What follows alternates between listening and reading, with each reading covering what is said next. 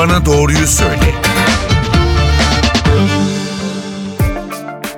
NTV Radyo'dan iyi günler. Ben Aynur Altunkaş. Yeni bir Doktor Bana Doğruyu Söyle programında birlikteyiz.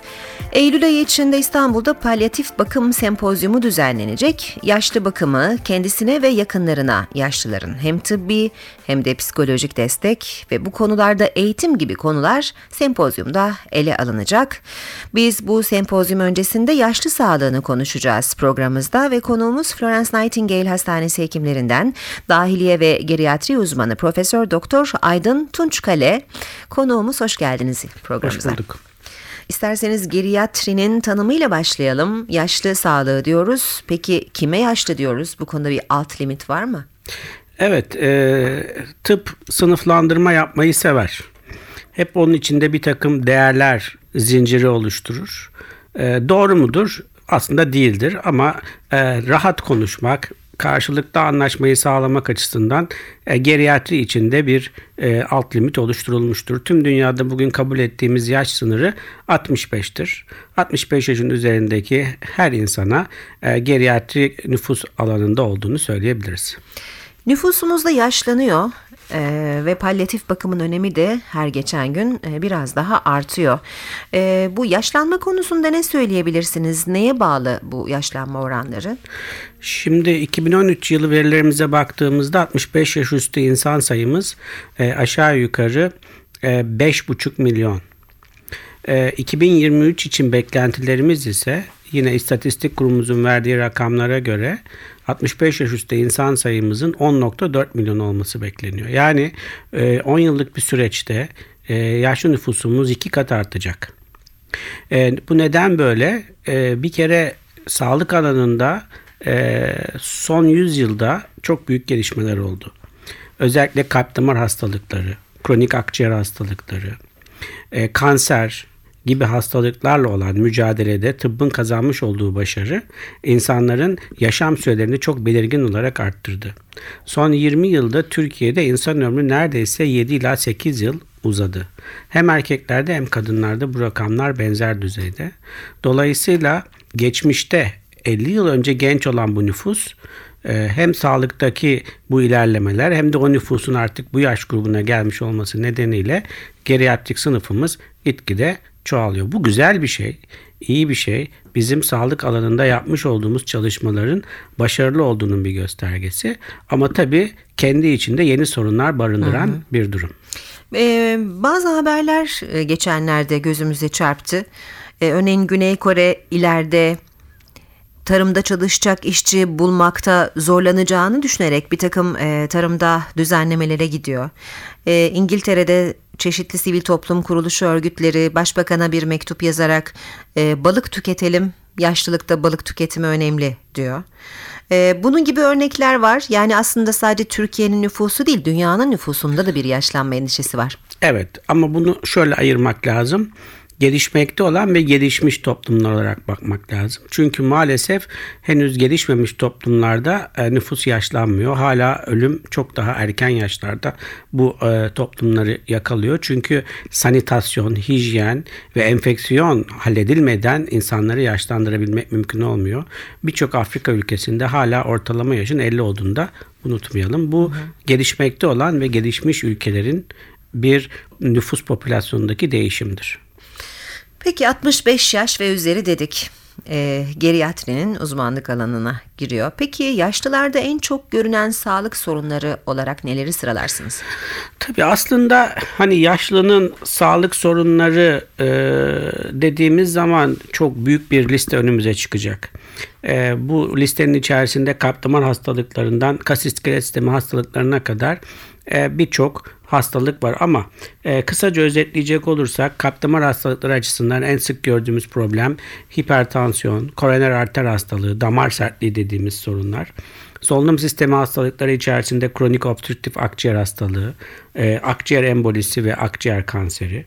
E, hormonal hastalıklar açısından diyabet, şeker hastalığı, tiroid hastalıkları, Paratiroid hormonumuz var. Bu hormonun bozuklukları da e, geriatrik yaş grubunda daha önceki yaşlara göre belirgin şekilde artıyor. Nörolojik hastalıklar hepimizin bildiği gibi inme, evet. e, felç, e, Parkinson, Alzheimer, uyku bozuklukları e, bu yaş grubunda en sık gördüğümüz sorunlar. Sindirim sistemi problemleri, mide bağırsak sisteminin çalışmasının yavaşlamasına bağlı reflü, gastrit, ülser oluşumları, idrar yolları ile ilgili erkeklerde prostat problemleri, kadınlarda idrar kaçırma, Kas iskelet sistemi hastalıkları açısından e, yaşlı sağlığı açısından en önemli alanlardan biri. Osteoporoz, kemik kırıkları, e, D vitamini eksiklikleri. Bunun dışında e, işte ciltte kurumalar, görme ve işitmede azalma, kognitif fonksiyonlarda yani kişinin sosyal iletişiminde e, olumsuzluklar ve enfeksiyonlara eğilim e, bu yaş grubunda e, en sık karşılaştığımız olaylar olarak sıralanabilir. Peki geriatrinin genel yaklaşımı için neler söylersiniz? E, burası önemli. E, geriatriyi yetişkin bir kişinin yaşlı formu olarak düşünmemek lazım. Nasıl pediatrik yaş grubun yani çocukları yetişkinlerin küçük halleri olarak kabul etmiyorsak Evet. geriatrik yaş grubundakileri de e, ayrı bir sınıfa almamız gerekir. Çünkü bu yaş grubunda vücutta bir takım fizyolojik değişiklikler ortaya çıkıyor. Her sistemde oluyor bu. Kalp damar sisteminde oluyor, nörolojik sistemde oluyor. Dolayısıyla geriatri bu nedenle bir bilim dalı olarak e, oluşmak durumunda kaldı tüm dünyada. Yani genel eğitiminizle geriatrik hastaların sorunlarını çözmekte yeterli olamıyorsunuz. E, o yüzden e, ne yapmak lazım? Geriatrik hastaları ya da yaşlı nüfusu bu tür insanların sağlığıyla uğraşan merkezlerde izlemek lazım. Bu merkezlerde kimler olmalı? Tabii ki bir geriatrist olacak. Eğer geriatrist yoksa onun işini iç hastalıkları uzmanları yapabilir. Hemşire olacak, sosyal sağlık uzmanı olacak, e, sosyal hizmet uzmanı olacak, diyetisyen olacak, psikolog olacak, iş ve uğraş terapisi olacak. Bunun dışında ayrıca fizyoterapist olacak. E, bunlara ek olarak zaman zaman devreye nöroloğun girmesi gerekecek. Zaman zaman göz ve kulak hekiminin devreye girmesi gerekecek.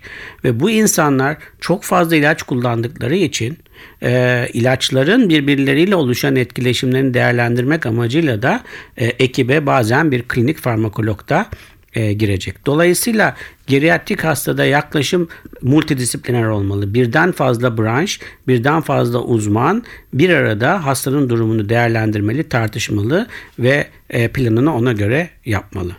Olmalı diyorsunuz, olması gerekeni söylüyorsunuz. Peki olan böyle mi şu an sistemimizde? E, böyle yerlerimiz var Allah'a şükür ama sayıları son derece kısıtlı.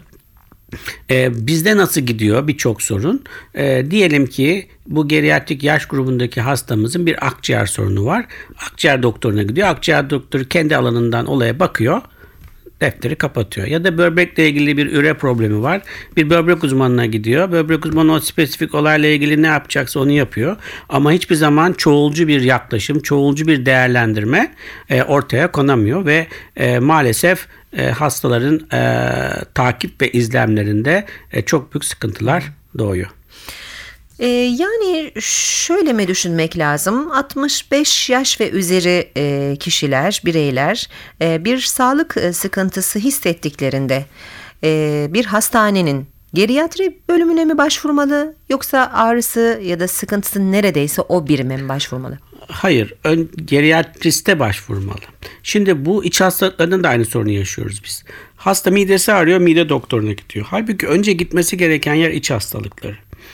İç hastalıkları daha sonra bu hastanın başka bir uzmana ihtiyacı varsa bir orkestra şefi gibi ona kendisinin yönlendirmesi gerekiyor. Geriatrik hasta grubunda da orkestra şefi geriatristtir. Hasta önce geriatriste başvuracak. Geriatrist başka bir alanla ilgili bir görüşe ihtiyaç duyarsa akciğer olabilir, kalp damar olabilir, böbrek olabilir. O ilgili uzmana kendisi hastayı yönlendirip tekrar geri alarak hastanın takiplerini yapabilir. Orkestra şefinin mutlaka e, ilgili branş hekimi olmaması gerekir. Geriatri ve palyatif bakım arasında nasıl bir etkileşim var? Az önce biraz bahsettiniz aslında ama Aslında- uygulamada nasıl diye sorayım. Aslında burada çok e, yine ciddi bir karmaşa var. Bir kere kavram ve tanım kar- karmaşası var. Bir kere palyatif bakımın önce bir tanımını yapalım. Ne demiştik biz geriatri için 65 yaş üzerindeki insanların tamamını geriatrik yaş popülasyonu içerisinde düşünebiliriz. Halbuki palyatif bakım çok farklı bir şey. Nedir? Hastanın bir hastalığı var, mevcut bir hastalığı var. Bu hastalığı içinde çok çeşitli kereler tedaviler uygulanmış. Ama artık bu hastanın hastalığından iyileşilemeyeceği kanaatine varılmış. Bu hastalık için yapacak yeni bir spesifik tedavi olmayacağına karar verilmiş. Diyelim ki bir pankreas kanseri kemoterapi görmüş, radyoterapi görmüş, ameliyat görmüş ama artık hastalık bütün her yerine yayılmış. Tıbbi olarak artık yapacak bir şey yok. Ne var? Hastanın hayatta kalabilmesi için bir çabaya ihtiyaç var ve bir yaşam desteğine ihtiyaç var. Yaşam kalitesinin de yükseltilmesine Tabii belki. ki. Yaşam kalitesinin yükseltilmesi e, ama e, daha önemlisi destek. E, beslenme desteği olabilir, enfeksiyonlarla ilgili destekler olabilir, idrar yollarıyla ilgili, dışkılamayla ilgili de- destekler olabilir. E, bunun adı palyatif bakımdır. Halbuki çok sağlıklı bir kişi 80 yaşında bile olsa geriatrik bir hastadır. Palyatif bakıma ihtiyaç duymaz. Halbuki 50 yaşında bir insan da bir gün palyatif bakıma ihtiyaç duyabilir. Çünkü palyatif bakım yaş sınırı olan bir alan değildir. Artık tıbbi olarak bütün çözümlerin tükendiği hastanın sadece de- ağrısı var. Pankreas kanseri ağrısını düzeltmeye çalışıyoruz. İşte budur palyatif bakım. Dolayısıyla geriatrik yaş grubuyla palyatif bakımın kesişme noktası geriatrik yaş grubundaki bir insanın bir gün palyatif bakıma ihtiyaç duymasıdır.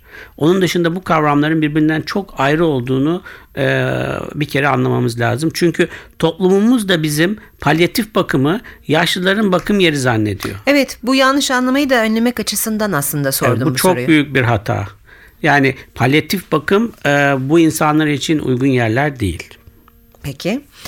Ee, ülkemizde yaşlı sağlığı ve e, bakımı konusunda hep olması gerekenleri e, konuşuyoruz. Bu konuda peki mevcut sıkıntılarımız var mı? Evet yani yapılan çalışmalar maalesef e, bizim ülkemizde e, yaşlılarımızın çağdaş ülkelerdeki akranlarına göre belirgin şekilde dezavantajlı bir durumda olduklarını ortaya koyuyor. Son 10-15 yılda yapılan bütün ilerlemelere ve gelişmelere, düzenlemelere, düzeltmelere e, rağmen. E, işin en önemli noktası şu. Çağdaş ülkelerdeki yaşlıların kaygılarıyla bizim yaşlılarımızın kaygıları örtüşmüyor. Evet. Bizim yaşlılarımız olaylara çok farklı pencereden bakıyor.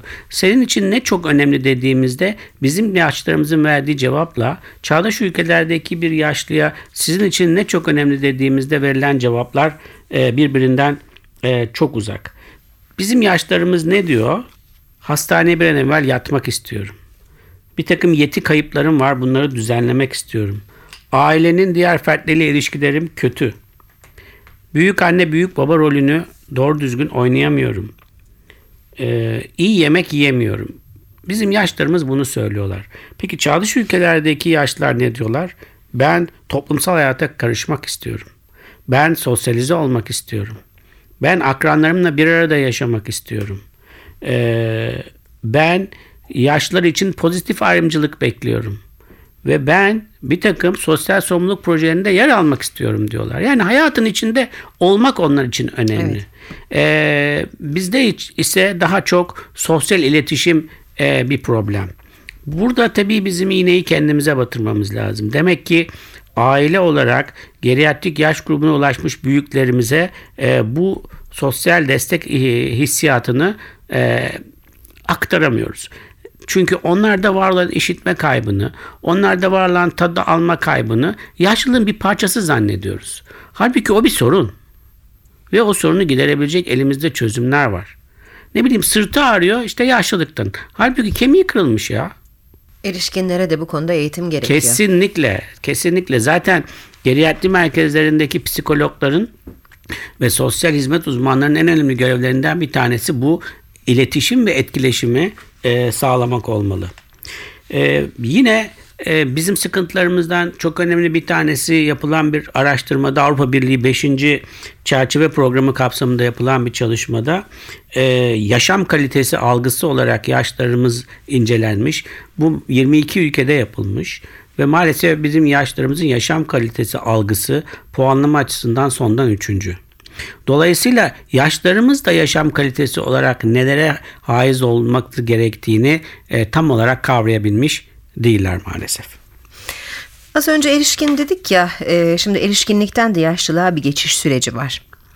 E, kimilerimiz e, vaktinden önce yaşlandığımızı e, hissederken kimileri de hiç yaşlanmayacakmışız gibi yaşıyorlar. E, bu konuda tavsiyeleriniz olur mu? Tabii ki sağlıklı yaşlanmak diyoruz biz buna. Hem ruhen hem bedenen tabii. Tabii ihtiyarlamak kelimesini asla kullanmamak gerekir. İhtiyarlık patolojik kötü bir laf. Yaşlılık, yaş almak e, kelimeleri çok daha doğru. E, yalnız şunu unutmayalım. Biraz sonra söyleyeceklerimi 75 yaşına gelince yapmaya başlamamak lazım. Yani daha geriatrik yaş sınırına geçmeden önce bunları yapmaya başlamak lazım. Çünkü bu söyleyeceklerim sadece o yaş grubu için değil, herkes için gerekli olan yaşam tarzı değişiklikleri. Bir kere hareketlenmeliyiz. Herkes hareketlenmeli. Ama geriatrik yaş grubundaki yaşlarımız özellikle hareketlenmeli. Tabii ki onların kas iskelet sistemi değişikliklerine uygun olarak hangi fiziksel aktiviteyi yapacakları e, fizyoterapistler tarafından belirlenecek. Ama travma riski en az, kaza riski en az Hı. ve de en etkili spor yürüyüştür. Evet. Herkesin yürümesi lazım. Beslenme çok önemli. Şişmanlık bir yaşlı için önemli bir handikaptır. O yüzden o yaş grubuna lütfen zayıf girmeye çalışalım. Kilolarımızdan daha yaşlılık dönemine ulaşmadan e, kurtulalım. Unutmayın dizlerimiz, kalçalarımız bir ağırlık taşıyor. Bu ağırlık 50 kiloyken oraya binen yük farklı, 100 kiloyken oraya binen yük farklı, 120 kiloyken oraya binen yük farklı. Ne kadar obezseniz, ne kadar şişmansanız kalçanıza ve dizlerinize o kadar çok yük binecek. Onlar daha erken kireçlenecek ve daha erken protez ameliyatı olmak zorunda kalacaksınız. Dolayısıyla beslenmemiz çok önemli. Su yaşlı grup için çok önemli çünkü yaşlılıkla birlikte bazı vücutta fizyolojik değişiklikler olduğunu söylemiştim. Susama hissi zayıflıyor yaşlılarda. Dolayısıyla su içmeyi unutabiliyorlar. O yüzden susamayı beklemeden su içmek lazım. Bu su miktarının da günde 8 bardağın altına düşmemesi lazım. Yaşlanma döneminde sosyal iletişim yine çok önemli. O yüzden mutlaka sosyalizasyon sağlanması lazım. Çevremizle, yakın dostlarımızla, arkadaşlarımızla bir arada olmamız lazım. E, bunun için dünyadaki çağdaş uygulama artık yaşlık köyleri. Köyler kuruluyor. Bu köylerde insanlar belli yaşın üzerindeyse kabul ediliyorlar ve kendi akranlarıyla e, bir sosyal iletişim içerisinde hayatlarını devam ettirebiliyorlar. Böylelikle hem zihinsel açıdan hem de ruhsal açıdan kendilerini son derece iyi hissediyorlar. Yine yaşlılarımız açısından e, sağlıklarını korumada aşı çok önemli. Nasıl bebeklerimizi belli aşılara karşı koruyorsak, yaşlılıkta da enfeksiyonlara eğilimin artmış olması nedeniyle zatürre aşısı, zona aşısı, grip aşısı e, 65 yaş üzerinde mutlaka yapılmalı. Az önce geriatri merkezlerinde iş ve uğraş terapistlerinin olması gerektiğinden bahsetmiştim. E, hobilerin oluşturulması açısından bu insanlar çok önemli. O kişinin var olan yetilerine uygun hobilerinin geliştirilmesi lazım. Kimi satranç oynayabilir. Efendime söyleyeyim kimi e, gidip bir koroda şarkı söyleyebilir. Kimi bir enstrüman çalmayı deneyebilir. Kimi resim yapabilir. E, kimi müzikle uğraşabilir. Mutlaka bir hobi her yaşlının edinmesi gerekiyor. Yaşlılık döneminde uyku düzeni çok önemli. Çünkü beynimiz uykuda dinleniyor. Ee, uyku kalitesinin arttırılması çok önemli e, ve yeteri kadar uyumak e, çok önemli. E, bunun için tabi e, mümkün olduğunca e, ilaç çözümler öneriyoruz. E, ama gerektiği durumlarda ilaçtan da e, yardım alınabilir. Unutmayalım e, uykumuz için gerekli olan melatonin hormonu geceleri salgılanıyor ve karanlıkta salgılanıyor. O yüzden uyku saatimiz geldiğinde mutlaka odadaki bütün televizyonu, ışığı, e, perdeleri kapatarak karanlık bir ortamda e, uyumaya çalışmak e, yaşlarımız açısından çok daha önemli. E, tabii ki hastalıkları olabilir bu yaşlarımızın o dönemde. E, bunlarla ilgili tıbbi kontrolleri olabilir ama her yıl genel sağlık kontrollerinde e, bir hastalık daha ortaya çıkmadan yaptırmayı unutmamak lazım. Artık bu yaşa geldim. Sağlık kontrolümün ne anlamı var? Çok yanlış bir e, düşünce mutlaka e, sağlık kontrollerini yaptırmaları gerekir. Yaşlarımızda diş problemleri çok önemli.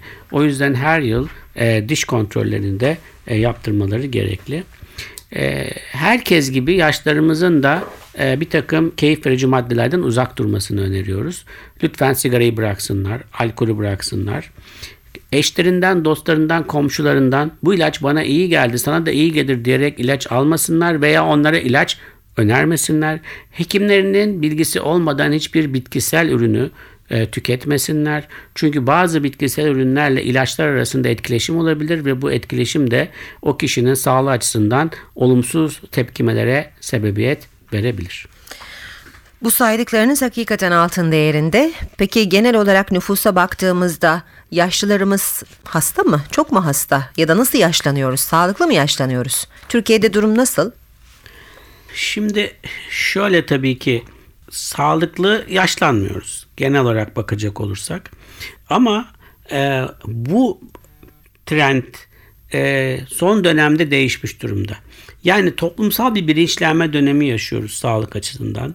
İnsanların kendilerine, kendi hijyenlerine, kendi beslenmelerine e, verdikleri önem nedeniyle e, böyle bir alan yaşıyoruz. Ancak e, sıkıntı e, yaşlılarımızın e, ruhsal ve sosyal desteğinde.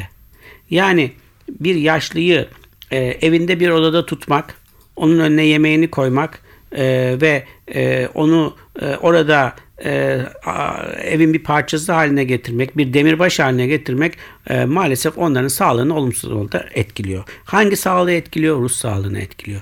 Biz sağlık dediğimiz zaman hastalıksız olmayı anlamıyoruz fiziksel, ruhsal ve bedensel tam bir iyilik halini anlıyoruz. Dolayısıyla işin e, hastalık dışı tarafında ciddi sıkıntılar var. Yaşlılarımızın en önemli sorunları yine yapılan istatistiki çalışmalara göre e, geçim. Çünkü yaşlılarımızın tek ge- geçim kaynakları emekli maaşları. Emekli maaşlarının da bugün e, e, gelmiş olduğu e, değerlerin e, bir insanın e, e, bazar ihtiyaçlarını karşılama açısından yetersizliği göz önüne alındığında e, yaşlarımızın sağlıkları için ya da sosyalizasyonları için e, ya da ruh sağlıklarını geliştirmek için e, bir alana kayabilmeleri e, pek mümkün olmuyor.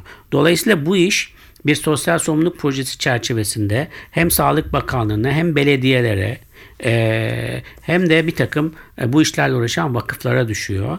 Mutlaka geriatri yaş grubundaki insanlarımızı bir araya toplayacak, e, onları bir arada bir takım pozitif işler yapacak. Bu kişisel olabilir, sosyal ve toplumsal olabilir. Kazandırmak lazım. Bence ancak o zaman yaşlarımızın sağlıklı yaşlandıklarını söyleyebiliriz. Koruyucu hekimlik de çok önemli değil mi yaşlılıkta? Tabii. E, yaşlılıkta koruyucu hekimlikte e, biraz önce bahsetmiş olduğum aşılar önemli. E, onun dışında da düşme. E, yaşlılarda biliyoruz ki yaşlanmayla senil osteoporoz dediğimiz e, kemik erimesi ortaya çıkıyor. Dolayısıyla kemiklerimiz daha kırılgan oluyor. E, travmalara daha hassas hale gelebiliyor. Bazen e, bir koltuğun kenarına çarpmakla bile bir, bir kemik kırılabiliyor. E, dolayısıyla kırık açısından her yaşlının her doktor kontrolünde değerlendirilmesi lazım. E, kırıkların en aza indirilmesi için e, mutlaka o kişilerin ve çevresinde ona bakanların eğitilmesi lazım e, ve de eğer medikal bir tedavi gerekiyorsa da e, tıbbi ilaç tedavisinin uygulanması lazım. Son zamanlarda şunu çok sık duyar olduk. Ee, düştü kalça kemiği kırıldı. Hayır kalça kemiği kırıldığı için düştü. Evet ikincisi daha sık görülen bir şey. Ee, insanlar düştükleri için kalçaları kırılır ama çoğunluk kalçaları kırıldığı için düşerler. Onu da aileler çok güzel anlatıyor. Ayakta duruyordu hiçbir yere çarpmadı düştü. Bunu çok duyduk evet. Evet bu işte o kemik kırılıyor. Neden? Çünkü kemik erimiş. Kemik erimesi tedavisi yapılmamış e, ve kemik kırılgan hale gelmiş. O yük binmiş binmiş binmiş. En çok da bizim uyluk kemiğimizin e, baş bölümü kırılır. E, oradan e, kırık ortaya çıkmış ve hasta onun üzerine de düşmüştür. Ama tabii ki diğeri de vardır. Yani bir yere çarparsınız ve kırarsınız. Şu diz protezlerinden bahsettiniz ya yakın çevremizde eminim birçoğumuzun e, vardır. Benim var örneğin. Fazla kiloda olduğu için dizlerine çok yük biniyor. E, mecburen bir e, protez ameliyatı geçiriyor. Ama hareket gerekiyor ameliyattan sonra hareket edemediği için kilo da veremiyor. Böyle bir kısır döngü içinde olan insanlarımız var. Evet zaten ben cümlemi kurarken şunu özellikle altını çizerek söyledim. Bu saydıklarımı yapmak için geriatrik yaş grubuna gelmeyi beklememek lazım dedim. Çok önemli. yani şişmanlıkla mücadele e, geriatrik yaş grubunda 50 yaş grubunda falan olmaz. Şişmanlıkla mücadele ergenlikte başlar. Yani daha 10-15-20 yaş grubundaki gençlerimiz, ergenlerimizin obeziteye karşı eğitilmesi ve erişkin yaşa ve erişkin yaştan sonra da geriatrik yaşa e, obez olarak geçmemelerini sağlamak gerekli. E, ben hep e, derslerimde de şunu anlatırım. Mesela biz ilkokul resimlerimize baktığımızda Bizim sınıfta e, 50 kişilik grupta bir tane şişman ya vardır ya yoktur. Ortaokul resimlerimize bakarız o sayı 3'tür. Lise resimlerimize bakarız o sayı 6'dır. Şimdi mesela genç ben kendi çocuklarımın resimlerine bakıyorum. E, İlkokul resimlerini sınıfın üçte biri şişman. Ortaokulda üç, yarısı şişman. Yani ne oluyor? Şişmanlık problemi gençlerin hastalığı haline gelmiş. E, orada da işte fast food, okul kantinleri, kötü beslenme, şekerli içeceklerle mücadele e, çok önemli. E, siz e, dizleri kireçlenmiş 70 yaşındaki bir insanı zayıflatamazsınız. Mümkün değil. Nasıl hareket edecek? Evet. Hareket edemediği için de Edemediği için de zayıflayamıyor. evet, olmaz, mümkün değil. Bir de şu var yani bütün vücut fonksiyonları aynı şekilde çalışan aynı yaşlarda iki insandan biri kötü yaşlanmış diğeri iyi yaşlanmış olabilir. Burada genetik faktörlerin de bir etkisi olmuyor mu? Evet, e, geriatrik yaş grubunda var olan kondisyonda genetik altyapı çok önemli. E, benim annem 100 yaşını gördü diyenler, benim annem 60'ı görmedi diyenlerle karşılaştırıldığında onlar çok daha sağlıklı yaşlanıyorlar. E, genetik altyapı çok önemli. E, ama tabii ki her şey değil. Evet. E, yaşam tarzımızı değiştirerek de o genetik yapısı sağlam insanlara doğru kendimizi yönlendirebiliriz. Hocam çok teşekkür ediyoruz verdiğiniz bilgiler için. Ee, Bugün yaşlı sağlığını konuştuk. Ee, Yanımızda, stüdyomuzda Florence Nightingale Hastanesi hekimlerinden dahiliye ve geriatri uzmanı Profesör Doktor Aydın Tunçkale vardı. Yeni bir programda buluşmak üzere. Hoşçakalın. Doktor bana doğruyu söyle.